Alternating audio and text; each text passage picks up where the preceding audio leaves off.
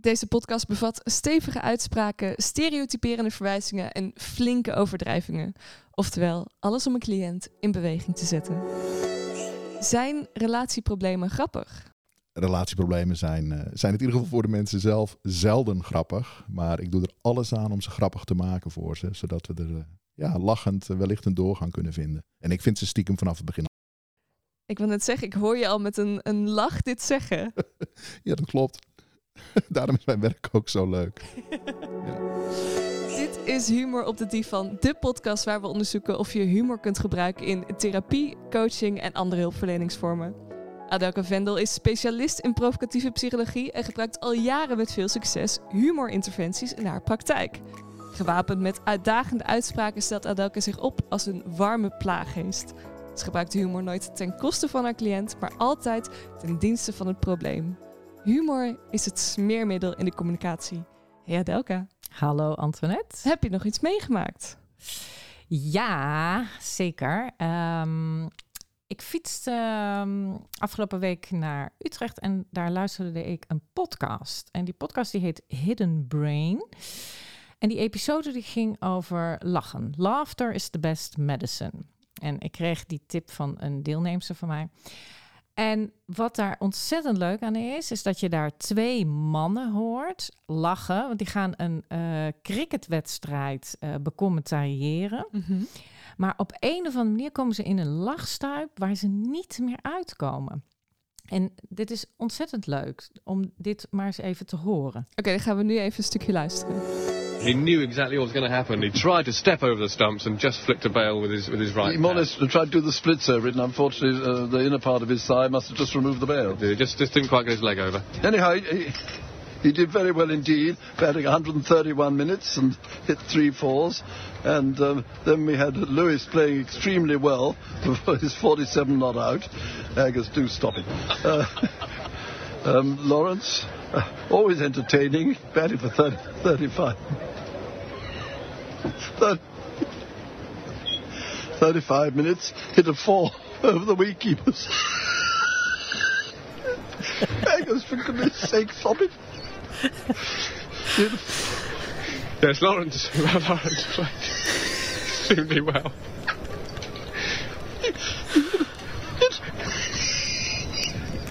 he hit a four over the wicketkeeper's head, and he was out from behind.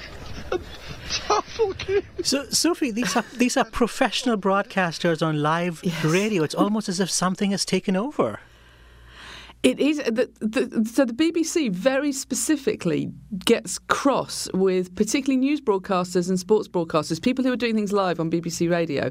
The BBC does not like them to laugh or show emotion. They call it breaking, and they knew they were going to get in trouble. They really didn't want to. You know, that's the the, the situation is they don't want to be laughing, but when it's got its claws in you, it will happen. There's something unbelievably powerful about the way laughter can overwhelm our motor systems. So it stops us breathing, it stops us talking. You heard they were completely unable to keep speaking, and all they have to do is talk on the radio. It's what they do for a living, and the laughter's stopping them doing all that, and it just comes along and basically just you you have to just power through it. And right towards the end, there, you heard Brian Johnson's voice, who gets at times he can't talk at all. Other times he's going, he hit a four over the windkeeper's head because he's trying to talk through the laughter.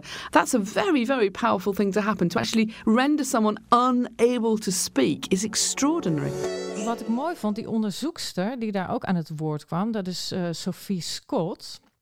Zij is neurowetenschapper. Zij zegt van ja, weet je, als je gezamenlijk lacht, mm -hmm. dan is het vaak onmogelijk om te stoppen. En al helemaal als het niet mag. Want deze twee mannen die deden dat voor de BBC. En zoals je hoorde, ja, die, die, die kwamen daar niet meer uit. Ook, maar ook omdat ze wisten van, ja, oh shit, dit kan helemaal niet. BBC is ontzettend... Uh, uh, professioneel. Ja, professioneel, ja. dit mag niet. Super serieuze sport natuurlijk. ja, ja, heel serieus. En toen moest ik denken aan mijn eigen ervaring, want dat is natuurlijk ook leuk. Uh, mijn man en ik hebben voor het eerst uh, truffels genomen in een soort setting waar allemaal begeleiding is. En um, wat ik merkte is dat wij dus ook in een lachstuip kwamen. Mm -hmm. Maar die uh, ceremonie die heette innerlijke reis en je moest heel erg in jezelf blijven. Maar ik ik rolde gewoon laughing out loud. Met mijn man ook. Maar we kregen de hele tijd kregen we een reprimande van... "St, st, mensen zijn nog aan het reizen. Maar ik werd heel obstinaat. Ik zei, ik reis ook, maar ik moet lachen. dus, dus- en het ging maar door en het ging maar door. Want het gaat vijf uur lang door. Dus ik kon zo invoelen wat die, die mannen die we net gehoord hebben, wat ze voelden. Hoe meer je dus zegt, dit mag niet, hoe stouter wij werden. En je mocht ook niet aan elkaar zitten. Nou, op een gegeven moment eh, dat, dat, dat gingen we dat wel doen. het was gewoon zo leuk om het niet te mogen. En dat vind ik zo leuk aan, aan, aan humor, zeg maar. Dat je daar dus niet meer uit kunt komen. Dat het je gewoon een soort overneemt. En dat is wat ik soms ook zie in eh, mijn praktijk. En dan ben ik, ja, dat vind ik zo... Het gebeurt niet heel vaak, Mhm. maar dan, ja, dat is, zijn echt gouden momenten. Goed. Eh, en je deed het met je, met je man. En dat is natuurlijk heel toepasselijk, want op onze divan relatiecoach Krun Schram. Krun Schram is gepassioneerd relatietherapeut en coach. En zijn expertise strekt zich uit tot het begeleiden van diverse relaties, van partnerrelaties tot zakelijke en familierelaties. En daarnaast maakt hij ook de podcast Lust met Jacqueline van Lieshout. Uh, goeiedag. Ja, goedemorgen. Hoe was je dag? Eh, mijn dag tot nu toe, hij is nog maar net begonnen, Ja, wat eh, is, de eh, luisteraars niet weten natuurlijk. Maar mijn dag tot nu toe is, is heel goed geweest. Ik heb al een tweetal cliënten aan de telefoon gehad. Eén die ik morgen voor het eerst ga zien en die dan ja, al wat dingen willen voorbespreken, omdat Mhm. het heel spannend is. En dat doe ik gewoon. Ik, ik ben van de school dat je niet per se het stel samen hoeft te hebben om therapie te kunnen bedrijven. Maar oh mensen nee, ik, ik, ik zie ze ook altijd eerst apart. ja, ik zie ze vaak eerst een keer samen en dan apart. Maar ik krijg heel vaak van tevoren een telefoontje of een mailtje. Of ja, toch dat er iets alvast onthuld moet Maar worden. krijg je dan niet al van die bondjes van, eh, oh, ik ken hem al, hij zit aan mijn kant? Nou ja, daarom dat veel klassieke relatietherapeuten dit liever niet hebben. Die vinden Mhm. dat inderdaad niet helemaal zuiver. Maar ik ben van de school van, eh, van Esther Perel, zoals veel mensen weten. En Esther Perel vindt dit goed, dus ik doe dat wel. En ik vind dat helpend, omdat je soms iets kan, ja, voor iemand in andere woorden kan zetten. Of, of, of lichter kan maken, of kan normaliseren. Waardoor ze misschien dezelfde avond al het gesprek aangaan. En de volgende dag op een hele andere manier bij jou in de sessie komen. Oké. Dus dat was, eh, dat was heel fijn. En ik heb een, eh, een vriend geholpen met een brief aan zijn vrouw. Ehm, hij, heeft, ja, hij heeft iets te onthullen, iets te bespreken. En eh, ja, het was heel mooi om daar een rol in te kunnen spelen. Maar het gaat altijd over relaties, inderdaad. Dat realiseer ik me wel nu je dat zo zegt. Hoe ben je Passievol. in deze relaties gerold dan? Ja, dat is een, een beetje een wonderlijk traject geweest. Ik doe dit pas zeven jaar. Ik ben 56, dus het is een, een derde carrière voor mij. Mhm. En het is uiteindelijk ontstaan omdat ik na een eh, ontslag. Ik vloog eruit bij een bedrijf waar ik overigens nog steeds aandeelhouder in ben. En ik word goed behandeld, laat ik dat meteen zeggen. Maar eh, ik vloog er van de een op de andere dag uit vanwege een conflict. En toen moest ik iets. En mijn vrouw kende dat al, want die had dat één keer eerder meegemaakt, eh, acht jaar daarvoor. En ze zei, en nu? En toen zei ik, van, ja, ik moet nog een keer nadenken. Mhm. En toen heb ik besloten om mediator te worden. Dat werden we toen allemaal zeven jaar geleden. En toen ben ik gecertificeerd mediator geworden. Maar ik kreeg daar heel weinig werk in, omdat ik geen jurist ben. En toen kwam ik gelukkig op de opleiding provocatieve coaching. Wat Yes. vijf Echt jaar waar? geleden iedereen Ja. deed. Ja. Oh, ja. Oh, daar kwam ik een dame tegen die een, eh, een relatietherapiepraktijk al had in Hilversum. Mhm. En al 15 jaar. En eh, wij oefenden samen tijdens die opleiding. Het was voor haar een terugkomdag. Voor mij was het mijn eerste opleiding. Mhm. En zij eh, zei achteraf van, joh, je doet het zo leuk en ik wil hier iets mee in mijn relatietherapiepraktijk. Zou jij het aandurven om met mij relatietherapie te gaan geven? En Met z'n tweeën. ja, met z'n tweeën. En ik ben echt uit het niets van een paar mediations ben ik relatietherapie gaan geven. En ik was gratis, hè, dus ik kwam er gratis bij voor de cliënten. Maar Mhm. ik heb daar heel veel vlieguren leren maken in het begin. En nog steeds werk ik met haar samen, Harriet Vogelaar in Hilversum. Eh, maar ik ben toen ook meteen mijn eigen praktijk begonnen. En ik ben opleidingen gaan volgen. Ja, dus ik vind het gewoon super stoer. Ja, maar echt als een man, we hadden het er al heel even Ja, over. Als ja. een man gewoon beginnen Ja, en gewoon, doen. Ja, ik, ik vind het bijna, eh, bijna frustrerend om aan te horen. Want elke keer als ik denk, nou, misschien moet ik toch de psychologie in, staat er overal, je hebt twee jaar ervaring nodig. Dat heb ik niet. Eh, dus ik ben nog steeds werkloos. Nee hoor, ik ben eh, freelancer. Ehm, maar, eh, dus ik ben bijna jaloers op jou als je zegt, ik ben gewoon meteen begonnen. Ja, ja. En je had mensen. Nee, hij heeft ook eerst geoefend, hè? ja, dus precies. dat is het. Dus Ja. de werkervaring, dat klopt. Je moet werkervaring hebben. Maar het is misschien dat je niet aangenomen wat, wordt om die werkervaring op te doen. En Kruun heeft het gewoon gedaan. Nou ja, waar ik nu tegenaan loop, want ik herken ook wel iets. Ik wil heel graag de opleiding seksuologie bij de Rino doen. Oh ja. Maar die willen mij niet hebben. Want ik ben een farmaceut van oorsprong. Ah, moet je psychologie gedaan hebben of Ja, je moet- huisarts of, of Je dat moet soort iets, iets in de relevante eh, BIG eh, Ja. geregistreerde beroepen hebben om Ja. daar de opleiding te mogen doen. En ik heb gezegd van jongens, even. Ik praat over seks, Ja. ik doe seksualiteit. Maar waarom zou je dat doen? Maar Kruun, echt, waarom zou je dat doen? Want jij kan veel beter op andere manieren over je informatie naar voren halen dan zo'n seksuologieopleiding. Want ik weet van de mensen die zo'n seksuologieopleiding hebben, dat is ook vaak heel technisch. En, en bij jou, volgens mij, als ik het goed heb, gaat het ook veel meer in de hoek van de verbinding. Volgens mij leer je heel veel van de tantra-opleidingen, stukken van Esther Perel, eh, dingen die gaan over intimiteit. Dat ben ik 100% met je eens. En ehm, ik ben ontzettend behoedzaam in dat ik, ik wil niet hertraumatiseren of iets zeggen waardoor ik eh, toch pijn veroorzaak bij vrouwen. Iets heeft mij daar heel behoedzaam in gemaakt.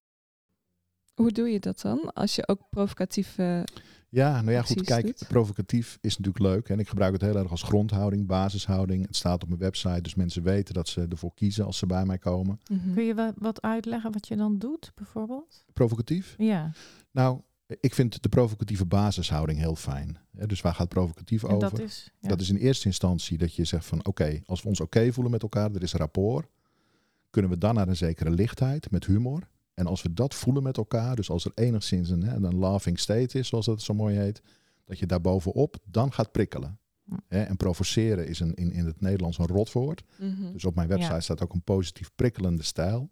Het gaat om prikkelen. Het gaat om, om, om net schuren. Het gaat om net over randjes heen durven gaan, waardoor de snelheid ontstaat. Nou, die basishouding die heb ik. Die kondig ik ook aan. Ik ga niet hummen. Ik ga niet achteroverleunen. Ik vlieg erin. En ik vlieg erin met hagel. Ik ga niet proberen een scherpschutter te zijn die na drie dagen het schot lost. Vanaf het eerste moment ga ik met hagel schieten. Ga ik ook Mhm. lesgeven, doseren. Ik ga kijken wat beklijft, wat niet. Waar mensen op wegdraaien, waar mensen op toedraaien. En zo ja, zit ik heel proactief 70% van de tijd aan het woord, zoals wij geleerd hebben van onze guru Jeffrey Wijnberg, ben ik in de weer met die cliënten. En dat is wat ik dan in mijn sessies. eh, Maar dan doe. even terug naar, eh, je zegt ik ben behoedzaam eh, voor Ja. het kwetsen van vrouwen, specifiek vrouwen dan ook. Ja. Hoe zorg je dat je behoedzaam bent? Eh, nou, door op het moment, kijk, seksualiteit. Esther Perel zegt zo mooi: als de seks goed is, is het 10% van de relatie. Maar als de seks slecht is, is het 90% van het relatieprobleem. Dus het is een ontzettend belangrijke factor. En er zit bij sommige vrouwen echt diep trauma. Verborgen trauma, niet uitgesproken trauma. En daar hoef je maar één of twee keer tegen aan te lopen. Dat je daar te hard op gaat. En dan realiseer je, hier wil ik niet meer zijn. Althans, voor mij geldt dat. En dat heeft gewoon gemaakt dat ik dacht, laat ik nou die opleiding doen. Dan, word ik, eh, eh, dan heb ik zo'n vol arsenaal van kennis en kunde, dat ik in ieder geval niet meer de fout inga. En natuurlijk kun je het provocatief altijd wel oplossen. Hè, of met, met, ja, er is best wel een weg uit. Ja, juist. Maar ik wil er ook, ook niets verkeerds meer in Ja, doen. maar dat is de liefde. Je moet die liefde meer, dus de nieuwsgierigheid. Je mag gewoon jezelf zijn, maar meer nieuwsgierigheid, meer die liefde erin. Want dan kan het. Dan is het juist bij trauma, en dat zeg ik je, want ik werk met mensen die echt traumatisch, seksueel trauma. Als je op de liefdevolle manier die humor erin kan brengen, dan kun je langzaam ook steeds gewoon fermere humor erin brengen. Dat vinden ze fijn. Dat geeft een soort relief. Dat is, Ja, en nee, het dat, is dat ken ik ervaring. ook. Dat ken ik en dat ken ik ook. ik zeg juist hem ja, niet uit Weet de weg Adelka, fijn. Ik ga niet naar het Rino. Ja, Heerlijk. Mijn eerste probleem is opgelost vandaag. Dat is niks voor Hopla. jou. ik heb daar zelf namelijk ook naar gekeken. Ik denk, oh, nou, dat, dat, van saaiheid eh, val ik in slaap. Eh, Nou ja, dat, daar loop ik tegenaan dat als je de, de seksuologische standaard boeken leest, ja. hè, dan kom je heel erg in het streel, streelgebeuren. En Eh, dan, sorry, het streelgebeuren. ja, veel strelen, veel strelen met de kleren aan. ja. En dat ik denk van ja, weet je, dit is echt old school. Dit is zo old fashioned. Dit Ja. kan het niet zijn. Of we moeten praten. Ja, communicatie is het belangrijkste in een relatie. Ja, maar dat gaat juist hem niet, omdat je boos bent. Ja. En daar moet je naar zien te kijken van, oh, lekker boos. Waarom ben je boos? Hè, dus het wordt heel vaak gezegd, ja, je moet meer met elkaar praten. Maar dat kunnen die paren juist hem niet. Omdat ze beledigd zijn, omdat ze zich schamen, omdat ze dat... Ja, En, dat naar boven als die halen. seks verdwenen is, ik zeg altijd, seks is de plek van het vrije kind. Ze spelen niet meer. hè. Ja. Er is geen erotiek, eroticism. Er is geen Mm. dansen, geen zingen, geen fluiten, Mm. geen lachen meer. Weet je, en als je die plek kwijt bent, het ontroert me ook als ik het zeg, Ja, dan, eh, dan kun je iets niet opgelost krijgen samen. precies. Daarom is het zo belangrijk, en heel veel relatietherapeuten laten het liggen, die denken als we nou alles oplossen, dan komt die seks alweer op gang. Ik geloof daar niet in. Ik denk dat je in een veel eerder stadium in de therapie ook dat stukje erbij moet pakken. Maar dan niet seks in de vorm van het pat- patriarchale hè, gepif, hè, ge- geneuk voor, voor, voor Ja. de oplettende luisteraar. Maar echt naar erotiek en spelen. En, en ja, het woord tantra viel al even. Hè. Nou, er zit Ja. ook een hele foute hoek aan. Maar er zit ook een hele mooie, zachte, onderzoekende, lange lijnen, tedere hoek in. Waarvan ik denk, ja, er zouden zoveel mensen naartoe mogen om weer de spark te krijgen met elkaar. Ja, nou, ik, vind, ik ben het daar het totaal mee eens, Kruun. Dus dat vind ik heel, eh, dat heb ik niet Hè? mooier kunnen zeggen. Wat jammer. Ja, ja, ja, jammer. Maar we moesten dus ook iets waar we het niet over Ja, eens zijn. laat, waar zijn we het niet over eens, Oh ja, waar zijn? Nou, ehm, wat ik heel leuk vond, want gisteren heb ik mijn man even gevraagd, ja, wat zou je leuk vinden in zo'n podcast om te horen? Gaat dan over humor en seks natuurlijk. Ehm, oh, heb jij wel eens humor tijdens je seks? Dat is ook belangrijk. Ik vind het zo'n goede vraag. Want ik heb dit laatst ook tegen iemand gezegd van ja, maar je gaat geen grapjes maken tijdens de seks. Dan, dan is het minder sexy. Ja, nee, maar Dus dat- ja, de, het Ja, is ook. eh, ik ga het ook vertellen. Hè? Ik vertel je ook iets. Eh, ik kan me geen grote lachpartijen herinneren, maar ik weet wel dat, kijk, die dodelijke ernst van de, van de, de BDSM bijvoorbeeld, daar moet ik altijd wel een beetje om lachen. Dan denk ik van, oh ja, oh, zo serieus kun je het maken. Of eh, die mensen die heel erg van het knopen leggen zijn, van de shibari, zitten mijn lijntjes goed, eh, overlapt het niet. Nou, die dodelijke ernst, daar doe ik niet aan. Dus het is lichter dan dat. Maar ik denk dat ik ook iemand zou zijn die zou zeggen van te veel grappen maken en lachen in bed. eh, dat haalt ook een beetje de, de, de flow eruit of zo. De, de, de yoga, yin, lange lijnen, olie, zachte, boeddha-achtige flow. Ja. Dus ik ben wel voor lichtheid. Misschien minder voor harde lachpartij. Oké, harde lachen. Ja, nou wat, wat ik me dus eh, het laatst kon herinneren, dat mijn man en ik werden wakker. Toen wilden we, dus hadden we zin in seks. toen zeiden we allebei, oh kom, we gaan even tanden poetsen. Even poetsen. En toen moesten we zo lachen. Zei, ja, lekker spontaan, hè? Ja, nee, ja, als je al boven de 50 bent, dan ga je eerst even alles poetsen. Nou ja, boven de 50. Ik zeg ook van, nou gaan we eerst even tanden poetsen. Hoeven we dat tenminste niet meer te doen. Daarna kan prima hoor. Ja, dus in jouw leeftijd kan dat ook. Zeker. Ja, dus dan kun je dat ook. Maar dat vind, vond ik dus heel leuk, want, want het normale is van dat je romantisch en dan gelijk op elkaar springt en zo. Maar nee hoor, je doet een soort onderbreking. Ga je Nou ja, even maar ik vind het dus ook heel sexy als we dan zeggen van nou, het is nu vroeg. Zullen we alvast naar bed gaan? En dan gaan we eerst even tanden poetsen, want dan kunnen we daarna gewoon echt knuffelend in slaap vallen. Dus dan, en dan heb ik al tijdens het tandenpoetsen van, ik moet snel wat tanden poetsen, want we gaan zo meteen. En die opbouw, die is echt super fijn. Ja, nou, Nou ja, dat, dat vind ik ook heel leuk. Dus daar zit ook een zekere lichtheid in, wat Kruun dan ook zegt. Ja. Nou ja, bij, bij mij is het nog erger. Ik zet gewoon de douche aan. Ik, ik bedoel, tandenpoetsen doe ik onder de douche. Ik kom helemaal gedoucht, kom ik aan de startlijn. Alles eenmaal gewoon Ja. gedoucht. En nog gedoucht. erger, Adelka, want jij hebt nog spontane seks. Ja. Nou, dat, dat is iets dat komt bij mij thuis bijna niet voor. Wij Nee? plannen hem echt, jazeker. Ah, oké. Sterker nog, eh, wij huren dan bijvoorbeeld een hotelkamer of een secret room, een privé spa, spa sauna, Ja. om gewoon met z'n tweeën een paar uren onszelf in onder te dompelen. Oh, ja, dat Want is... ja, weet dat- je, dat die, is- die context van zo'n huis, van je kinderen die over de houten vloer boven lopen, de, je slaapkamerspullen, de was die net niet opgeruimd is. Ja, weet je, wij gaan veel liever naar een andere plek. Hoe Ja. ga je dan met die druk om dat je dan op die locatie, en je gaat er wel naartoe met de intentie om seks te hebben. Hoe ga je met die druk om? Nou, hoe ga ik met die druk om? Ik ervaar daar geen druk op. Kijk, we nemen daar drie, vier uur de tijd voor. Dus er is alle tijd om... Oh. eh, om- nee, er zit geen enkele druk op. En het grappige is, als wij heen rijden, dan zitten we in de auto bij wijze van spreken nog wat mail eh, weg te werken of, of, of nog even een belletje te maken. En dan kom je aan op de locatie en dan ben je gewoon met z'n tweeën. Telefoons gaan uit. Ja, dan hebben we gewoon even vakantie van de wereld. En dan, dan ontstaat vanzelf iets moois. En er zit zelfs geen druk op dat er per se eh, seks zou moeten zijn. kan niet ontkennen dat het doorgaans wel gebeurt. Maar het is vooral een super kwaliteitsmoment wat we met z'n tweeën zoeken. En ja, wat ik ook heel vaak aan cliënten aanraad. Probeer eens een Ja. keer een andere context te vinden. Probeer het een keer uit die sleur van je eigen huis te halen. En plan het. Alle relatietherapeuten zullen zeggen dat je het moet plannen op hogere leeftijd. Ja, oh ja, ja. Nou, ik ken al je één partij die dat verschrikkelijk vindt. Zit hier beneden. Plannen. Maar ik vind plannen ook niet zo romantisch, eh, moet Ja. ik eerlijk zeggen. En waarom? Jullie zeggen allebei specifiek voor een eh, oudere, eh, oudere leeftijd. Ja? Ehm, we zijn, weten toch allemaal dat na twee jaar het wel wat rustiger wordt. Ja. Dus Ja. waarom mag dat alleen maar voor mensen op een oudere leeftijd? En moeten wij maar als eh, jongere millennials eh, doen alsof we wel elke dag... eh, Nee, maar helemaal gelijk, Antoinette. Dat klopt. En als je dat weet, kun je daar ook weer met lichtheid omgaan. Van ja, nou, dan moeten we het gewoon maar even plannen. Ja, maar, kijk, ja, even. ja. Als je nog maar net in een relatie zit, dan weet je gewoon dat het gaat gebeuren. maar wat is maar net? Nou ja, de eerste twee jaar. Ja. En dan weet je gewoon doorgaans wel dat het gaat gebeuren. En Mhm. zeker het eerste jaar doe je het bijna elke dag en soms meerdere keren per dag. Maar dat weet je. Dus je hoeft het niet te plannen. Het is al gepland. Ja. Het gaat namelijk gebeuren. Dus je bent er ook altijd wel klaar voor. Nou, dat verdwijnt inderdaad na twee jaar. En dan is de vraag, moet je niet net zoals in het begin het eigenlijk altijd min of meer gepland was, het blijven plannen? Want het is veel fijner om met een beetje energie en een beetje headspace en een beetje schoon, fris, geschoren, gewassen, getandenpoetst aan te komen bij elkaar. In je volle glorie, in je beste zijn, met de juiste kleertjes lingerie aan Mhm. dan dat je denkt van spontaan 's ochtends. Nou ja, Laten we even tanden poetsen. Ook leuk, maar nee. anders leuk. Nee, dan moet je dus de humor hebben dat het dus eh, anders is dan dat romantische plaatje. Want dat is natuurlijk ook zo. Kijk, het nadeel hiervan vind ik dat het dan helemaal geweldig en romantisch moet zijn. Want dat is wat Antoinette net zei, de druk. Kijk, nu snap ik wel van jou dat je heel veel technieken hebt geleerd om die druk ook minder te maken. Maar voor heel veel mensen denk ik dan dat er drukte op ligt. En ik denk voor sommige mannen zelfs dat ze hè, daar ook bijvoorbeeld erectieproblemen van krijgen. Want oh, nu moet het dan gebeuren, bijvoorbeeld.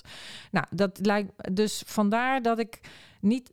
Dat vind ik ook goed, maar de spontaniteit dat je het af en toe toelaat. En dat is misschien meer voor mensen. Oh, misschien mensen zoals ik. eh, kan een mannen, vrouwen zijn die, die soms een plan hebben en dan even hun plan moeten leren laten varen. En dat dat ook fijn is. Dus dat, dat zou ik ook aanraden. Dus dat zijn twee dingen. Van jou en van mij. Nou ja, kijk, uiteindelijk moet je vooral uitzoeken wat bij jou en jullie past. Hm. Eh, En ik kan me er alles bij voorstellen dat als je dat spontaan nog zo voelt bij elkaar, hoe leuk dat is. Ja. Kennelijk zijn mijn vrouw en ik meer rationele hoofdige types die dat wat minder hebben. En wij plannen het graag. Ja. Ja, Everything what werkt works. Ik bedoel, eh, ja. come as you are, hè? eh, dat boek. Ja, Ja, ja. wat werkt voor jou? Dat is gewoon... eh, Zitten we het nou toch weer stiekem met elkaar eens ja, zijn? precies. Praten over gevoel. Eh Ja. Kruun, Ja. waarom praten mannen niet over hun gevoel? Poel. Waarom praten mannen niet over het gevoel? Kijk, de 21ste eeuwse vrouw die praat vrij, vrij goed over gevoel. En jullie leren dat al vanaf jong. En eh, wordt ook aan alle kanten gestimuleerd en gewaardeerd. Jongens van deze tijd eh, zijn nog steeds kinderen van mannen uit de 20ste eeuw. En wij hebben echt geleerd, huil niet, sta op, ga door, verbijt. Dus je leert zo vroeg om hele fundamentele, verdrietige, angstige gevoelens te onderdrukken dat je dat de rest van je leven meeneemt. Het is een script wat wij zo uit onze jeugd meekrijgen. Ik merk dat heel veel mannen zich totaal machteloos voelen als hun vrouw zegt van ja, onze gesprekken blijven zo oppervlakkig. Hij kan geen diepgaande gesprekken voeren. Mannen zouden het dolgraag willen. Maar we weten niet meer welke stenen we om moeten keren om erbij te komen. En wat moeten wij doen? Bij vrouwen. Nou, ten eerste het niet als een karakterzwakte zien van mannen als ze niet zo goed kunnen praten, maar het echt zien als een gevolg van hun opvoeding. Dus kijk naar de vader van, hun, van je man en realiseer dat dat de man is die jouw man gemaakt heeft, gebakken heeft. Ehm, dus geduldig zijn, niet karakterzwakte. En tijd geven. Niet overvoeren met drie, vier, vijf vragen achter elkaar, maar stel de vraag die je wil stellen en kijk hem aan en hou zijn hand vast. En kijk gewoon of hij of hij het in zichzelf kan vinden. En als het dan niet gebeurt, ga dan niet proberen in te vullen of weer een vraag te stellen, maar probeer te helpen. Zeg gewoon van, goh, zou het daarin kunnen zitten? Of weet je, ik heb je al eens zoiets horen zeggen, zou dat kunnen zijn? Dus dat je veel meer, ja, ik noem het altijd trekenergie, in plaats Mhm. van duwenergie en dichtsmeren met vragen, Mm. naar trekenergie gaat. Ja. En ja, weet je, Adel, je weet ook, eh, soms kan een heel klein, kan het helpen om, om, om, om met elkaar, een, wat jullie gedaan hebben, zo'n truffelceremonie waar je naar een ander niveau Ja. van jezelf gaat. Je hebt mensen die zeggen een half pilletje helpt mij heel erg om mijn maskers te laten vallen. Eh, je kan iets doen samen waar je heel veel adrenaline boost van krijgt. Merkt, merken mensen dat ze wat losser worden. Dus je moet echt proberen in een soort ontspanning te komen. In een, in een, in een modus te komen waarin jij met trekenergie die man de ruimte en de tijd geeft om, om te gaan praten. En als dat Ja. niet lukt, dan moet je gewoon naar een relatietherapeut gaan die Ja, dat wel Ga kan. dan naar ja. relatietherapie. ja, maar dat doen veel te Ja, mensen, veel te veel mensen veel te laat. Ja, of dat- niet. Ja, dat zie ik ook. En dat, dat, dat vind ik eh, eh, soms zo jammer. Terwijl eh, het is het grootste geschenk wat je elkaar kunt geven. Ik zeg dit nu ook bij de intake van... eh, dus mensen moeten het natuurlijk zelf betalen. Dan zeg ik, dit is het grootste geschenk wat je aan jou in je relatie kunt geven. En dat voelt ook zo. Ik heb zelf een keer een blog geschreven over relatie APK. En toen daarna is er een boek eh, verschenen, relatie APK. En ergens zie je heel veel mensen die relatietherapie gehad hebben, die zeggen van ja, waarom vergoedt de verzekeraar dit niet? Waarom krijg ik niet jaarlijks een gesprek met een relatietherapeut aangeboden? Want het helpt me zo. En dan denk ik van je hebt natuurlijk in wezen gelijk. Hè, maar zo zit onze wereld niet in elkaar. Ja. Maar ik gun echt, sterker nog, ik ben nu ook van plan om workshops te gaan geven aan jongeren. Hoe doe je een relatie? Want we hebben wel een consultatiebureau voor als je een baby krijgt. Maar we hebben geen bureau wat je begeleidt, helpt om je relatie op een veilige plek, een goede fundering, communicatie. Wat zo'n sterke basis zou kunnen zijn. om- Want 50% echtscheidingen Wat, nu wat een goed idee. Want wa- wat ik vaak zit te denken is... Onze jongens missen een ceremonie. En ik heb eh, die, misschien heb je dat ook wel eens gelezen, Stam van Holebeer.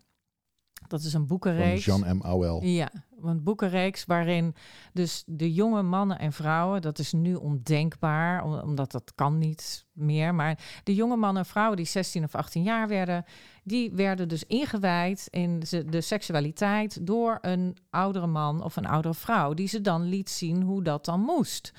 En dat is altijd in mijn gedachten gebleven als van, hé, hey, wij missen dat. Want wij hebben dus alleen maar porno. eh, eh, Wacht even, vroeger was er dus echt... eh, Hoe, hoe werkt dit? Hoe werkt? dit is een boek, dit is een fictie. En dat is geïnspireerd op hoe de mensen vroeger leefden.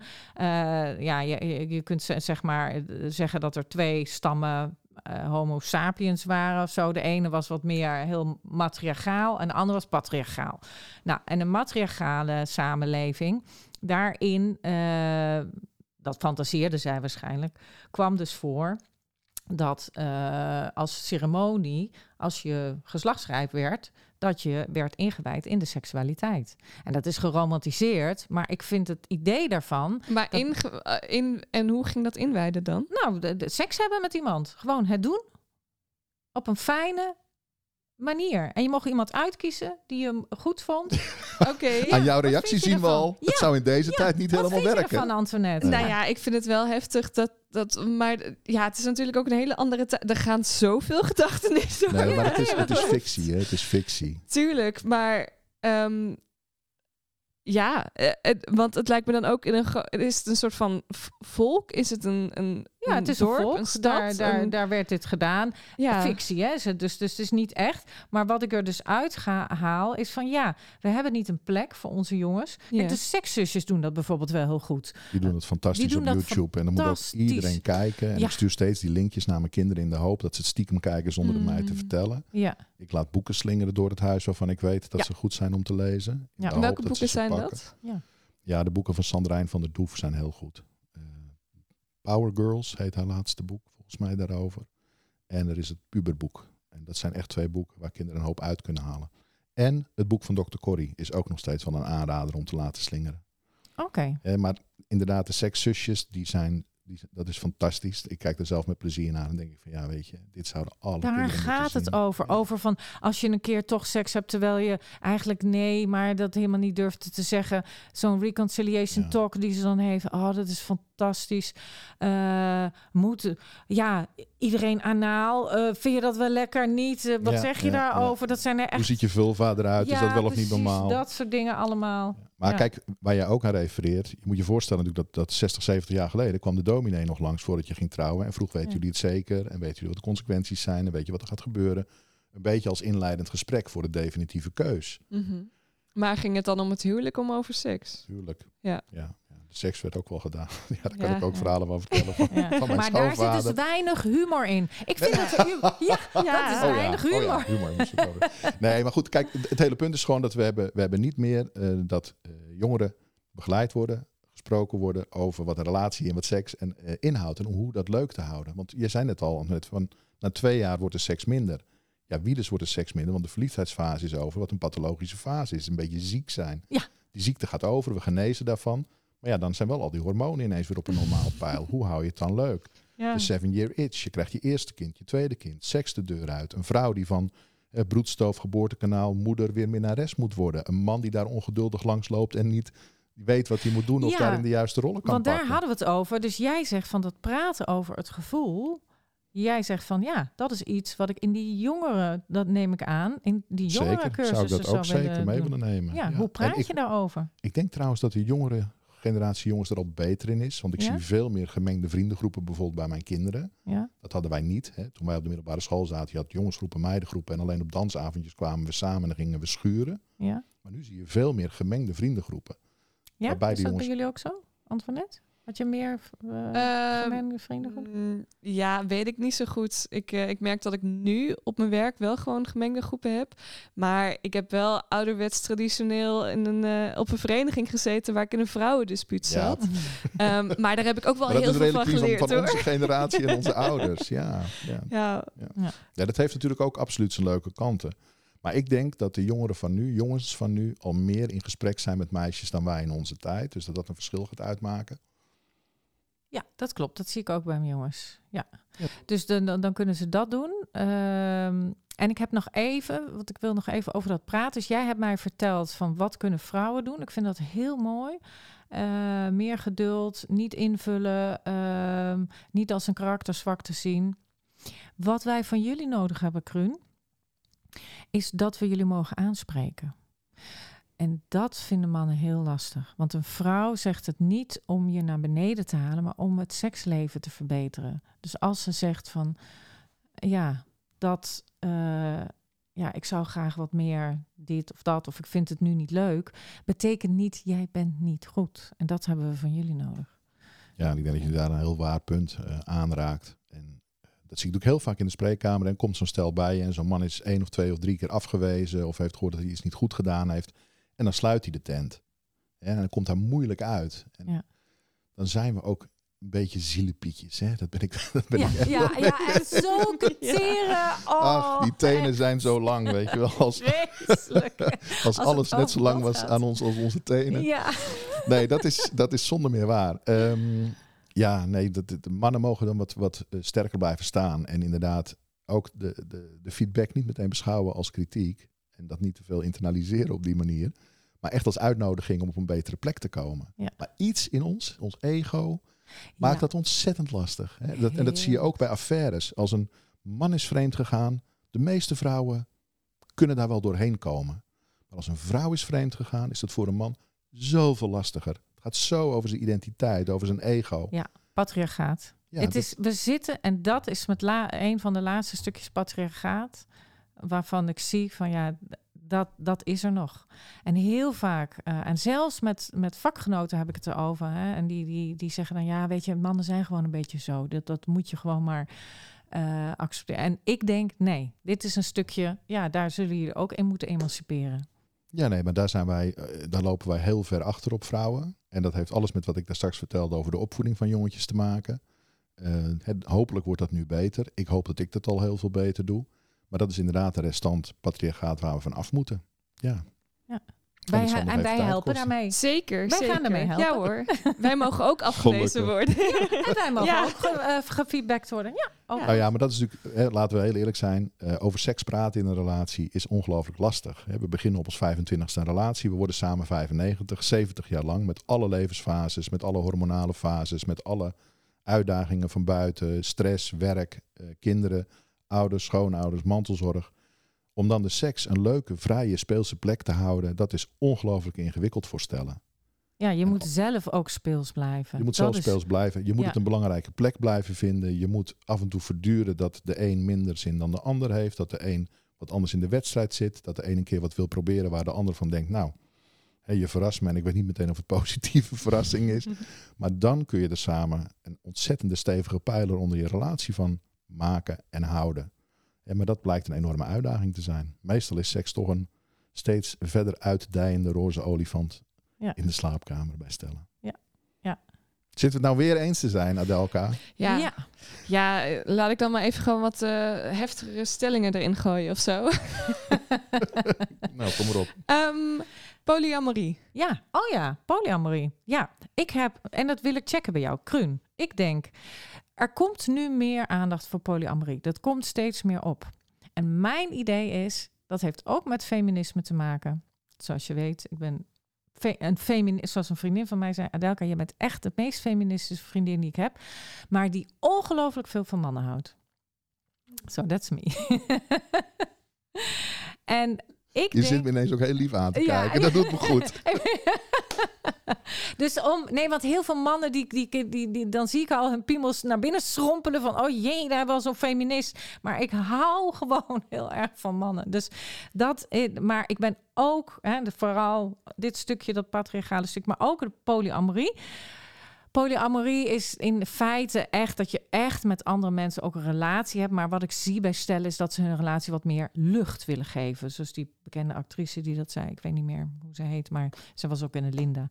Eh, ze wilde wat lucht geven. Dus dat betekent dus als je eens met iemand anders bent, dan vertel je dat. En, en dan gaat het meer over van, hey, hoe kwam dat en waarom was dat? En ik denk dat mannen het altijd maar wel prima vonden dat het gewoon onder de tapijt werd geschoven. Dus die hebben er helemaal geen behoefte aan om over te praten. Het is ook ontzettend ingewikkeld om daarover te praten. Want het, mensen die dat willen, dan zeg ik van prima, want die stellen die komen veel bij mij. Maar die, dan zeg ik, je moet je communicatie echt gaan boosten. En daar moet je onderwijs in hebben, hoe je dat doet. Maar ik vermoed dat het, de, dus het verlangen naar meerdere stellen en om dat open te doen, omdat de vrouwen vinden het eigenlijk helemaal niet zo leuk. Ze zijn hun man aan het bedonderen, maar dat vinden ze niet zo leuk. Maar ik, mijn stelling is, mannen vonden dat niet zo erg. Die dachten, nou, wat niet weet, wat niet leert. Dus dat was mijn idee. Po- po- Heel de- veel tegelijk. Maar wat jij zegt is polyamorie is iets wat in de vrouwenemancipatie ehm zal groeien. Is dat uiteindelijk je stelling? Dat denk ik. Ja, Ja. ik denk omdat de vrouw het niet wil. Ze houdt van haar man en ze wil toestemming dat ze mag spelen. Ja. Oké, nou een paar dingen daarover, als ik mag. Mhm. Ehm, ten eerste, ik denk dat je helemaal gelijk hebt. Ehm, en je wordt ook ondersteund door onderzoek. Nee, je wordt ondersteund door onderzoek dat uiteindelijk vrouwen houden net zoveel van seks als mannen, alleen niet van de seks die ze thuis van hun eigen man kunnen krijgen. Hè, dat is een belangrijke stelling in deze tijd. Esther Perel heeft ook gezegd, waarschijnlijk zullen vrouwen veel meer dan mannen de aanjager zijn van het veranderen van relaties. En daar ben ik helemaal met haar eens. En dat heeft alles te maken inderdaad met de onafhankelijkheid van vrouwen en de toename van, van kracht en autonomie van vrouwen. Dus vrouwen gaan het seksleven inrichten zoals zij het willen. Hm. Dan krijg je de gekke situatie dat als je aan een man op zijn 95ste vraagt, hoe was jouw seksleven? Dat hij, als hij één keer per week zijn negen minuten kreeg, zal zeggen, ik heb een fantastisch seksleven gehad. Maar wij weten allemaal, die negen minuten leken elke week heel erg op elkaar. Dus als je het aan zijn vrouw vraagt, als hij niet in de kamer is, dan zal ze zeggen, na een jaar was het net alsof ik een luiertje stond te verschonen. Zo. Dus dat is voor vrouwen niet te doen. Dus vrouwen zijn in die zin, denk ik, ja, die hebben behoefte aan meer, aan hele andere dingen in erotiek dan wat mannen geleerd hebben te willen in erotiek. Want ik geloof niet dat mannen met die negen minuten echt gelukkig zijn. Ze leren er gelukkig mee te zijn. Maar ik denk dat er voor hen ook heel veel te winnen is. Wat je nu ziet is een tendens, hè, dat heet dan de new monogamy. Ehm, want we realiseren ons dat 70 jaar monogaam zijn bijna niet te doen is. Sterker nog, eigenlijk niet te doen is. En new monogamy gaat erover dat stellen hun eigen ehm vreemdgaan gaan orchestreren. Dus hun eigen affaires of hun eigen extra spelers in de slaapkamer. Dat in een consensual, hè, dus in, in overeenstemming met elkaar vorm gaan geven. Mhm. Dus in plaats van dat er een affaire gebeurt, wordt er een affaire georganiseerd waar beide partners inspraak in hebben. Dat heet new monogamy, want in feite zeg je emotioneel zijn wij partners in crime en verbonden. Ja. En we organiseren iets om het spannend te houden. Hm. En ik vind het zo slim dat dat new monogamy genoemd is, want dan kunnen we Mhm. toch lekker met z'n allen monogaam blijven, hè, het Ja. moderne ideaal. Ja. En we realiseren ons dat er kennelijk wat speelruimte nodig is. Ja. En mijn stelling is, mannen hebben die speelruimte net zo hard nodig Alleen mannen doen dat onhandiger en lelijker. Ik heb afgelopen anderhalf jaar zes vrouwen in mijn praktijk gehad die een open relatie wilden, maar niet wisten hoe ze dat te bedden moesten brengen. Ik heb nog nooit een man in mijn eentje in zijn praktijk gehad die vroeg, ik wil een open relatie. Mannen doen namelijk gewoon een lelijke affaire en die laten ze Precies, uitkomen. en dat het- of Ja. laten ze uitkomen of laten ze niet uitkomen. Maar in Ja. ieder geval... Weer, we praten er niet over. Ja. We durven onze wensen, behoeften, belangen eh, niet kenbaar te maken. We zijn bang dat we onze relatie verstoren. We zijn bang dat onze vrouw boos wordt. En, en, en vrouwen komen er gewoon over praten. Dus ik ben, ja, ik ben het helaas met je eens. ik snap dat het spannender was geweest als ik hier hardop in was gegaan. Maar ik ben ontzettend gelukkig om te zien dat, dat vrouwen het relatielandschap wezenlijk aan het veranderen zijn. En daar hebben mannen ook alle baat bij. Ja. Dus heren, beweeg alsjeblieft mee. Ja. Ja. Ja, nou, val. Tot zover moest- mijn eh, kritische vragen. Ik moest ineens denken ook nog aan, af, eh, aan een column van Jeffrey Wijnberg. Die zei, en dat, dat is er ook, dat is ook goed. Hij zei, nou, weet je, soms hebben stellen gewoon geen zin meer in seks. En dat is ook prima. Gewoon die moeite de hele tijd. En eh, ik denk dat als je in de wereld zit, kijk, in de wereld waar je naar feestjes gaat en nog eh, open bent en, en van alles, ja, dan is die seksualiteit heel erg belangrijk. Maar ik zie ook, en dat, dat, dat zie ik bij nou ja, verschillende kennis of vriendinnen, waar de seksualiteit eigenlijk, dat speelt niet zo'n hele grote rol meer. Maar dat mag er ook zijn. Dat, je, dat we daar ook niet in overslaan van, oh, dat moet er zijn. Maar dat je wel kijkt van, hoe gaan we de intimiteit dan inrichten? En het gaat me dan voornamelijk om dat we dus die pif, wat jij zei, penis in vagina seks, ehm, dat dat minder wordt. En dat je maar wel kijkt van, ja, hoe, hoe kunnen we elkaar ja, dat hoeft niet eens bevredigen, maar ja, wel met elkaar in- verstrengeld zijn en nog een beetje opwinding ervaren, maar niet direct klaarkomen of wat dan ook. Ja, nou, dit ben ik niet helemaal met je eens, gelukkig. Mhm. Ehm, kijk, intimiteit is voor mij heel iets anders dan seksualiteit. Het wordt vaak door elkaar gehaald. Maar intimiteit gaat voor mij over veiligheid en kwetsbaarheid. En echt op diepere lagen in je gesprekken en verbinding kunnen komen. Passie en seksualiteit is echt een andere pijler. Ja. En ik vind het belangrijk dat we dat, dat een plek blijft houden in een relatie. Maar dan liever vanuit het begrip erotiek. En dan kom ik inderdaad wel weer een beetje bij jou uit. Dat piven hè, en, en, en de hele Kama Sutra door moeten, dat moet het niet zijn. Maar eh, knuffelen, strelen, op schoot zitten, eh, eh, dubbelzinnige grapjes maken. Ja, dat vooral. Dat dansen, is belangrijk. samen lachen, zingen. Ja, maar er kan heel veel lichte erotiek in een relatie zijn zonder dat er per se seks is. Ah, oké. Eh, maar ik gun het stellen wel. Want ik zei, ik noemde al eventjes van nou weet je, een mooie plek bezoeken en daar met z'n tweeën en elkaar masseren met olie, naakt. En echt elkaars lijf voelen. Dus die huidhonger ook een beetje stillen. Ja, ik denk dat dat iets, een diepe menselijke behoefte is die je niet uit de weg moet gaan. Maar ik denk dat heel veel stellen die zeggen van nou ja, van ons hoeft het niet zo heel erg meer. Daar wordt vooral bedoeld, het, we willen die seks niet meer. We willen niet meer daar naartoe moeten. Maar om dan helemaal niks meer te doen of elkaar fysiek echt niet meer op te zoeken, dat zou mij te schraal zijn. En ik denk dat dat voor de meeste stellen een te stille plek is. Hm. Dat ze zich daar echt een vergissing maken. Ja, maar dat klopt ook, want dat denk ik ook. Je moet wel, en al is het maar inderdaad humoristische, lekker seksgrappen maken met elkaar. Maar, maar de druk moet af zijn dat je iets moet. Ja, exact. Ja. Ja. Eh, zijn er nog eh, dingen die jullie als tips mee willen geven aan relaties? aan, aan ehm, ehm, ja, blijf elkaar vooral veel aanraken. Dat is wel zo. En al is het maar gewoon lekker, eh dan zit de ene te roeren in de pot spinazie en dan komt de ander van achter erbij en die roert even mee. ja, Ik zie meteen zo'n ghost eh, ja. om je heen en dan meteen Eh. nee kneden. nou, of even in het voorbijgaan, even gewoon tegen de wang aantikken. Dat speels ik.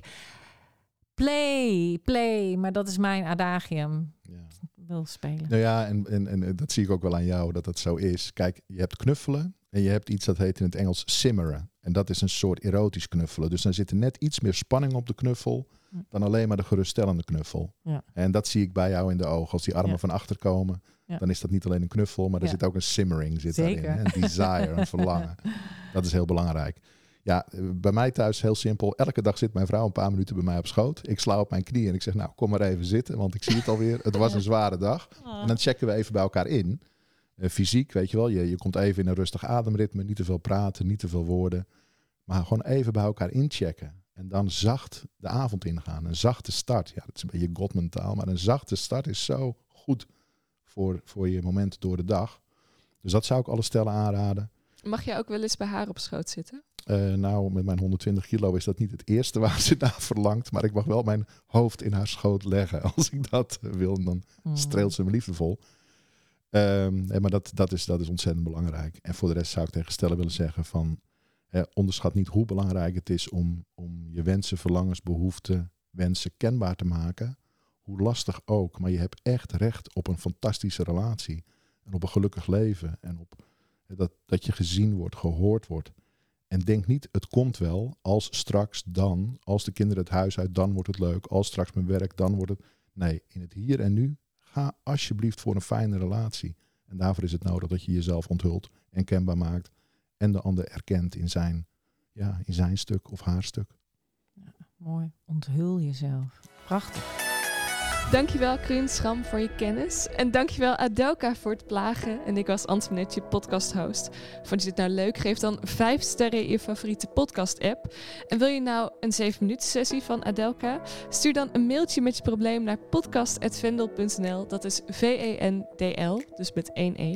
Wil je meer weten over provocatieve therapie? Check dan even de website van Vendel. Of volg ons op Instagram op provocatiefpsycholoog. En volg Kruun op Instagram op kruun.schram. En dat is dus Q-R-U-U-N punt S-C-H-R-A-M. En voor meer vragen kan je naar zijn website gaan. Dat is kruunschram.nl. En als je ons dan wil steunen, dat kan ook nog. Word dan vriend van de show. Oké, Adelka, wil jij nog iets kwijt? Wees lief en speel. Oh!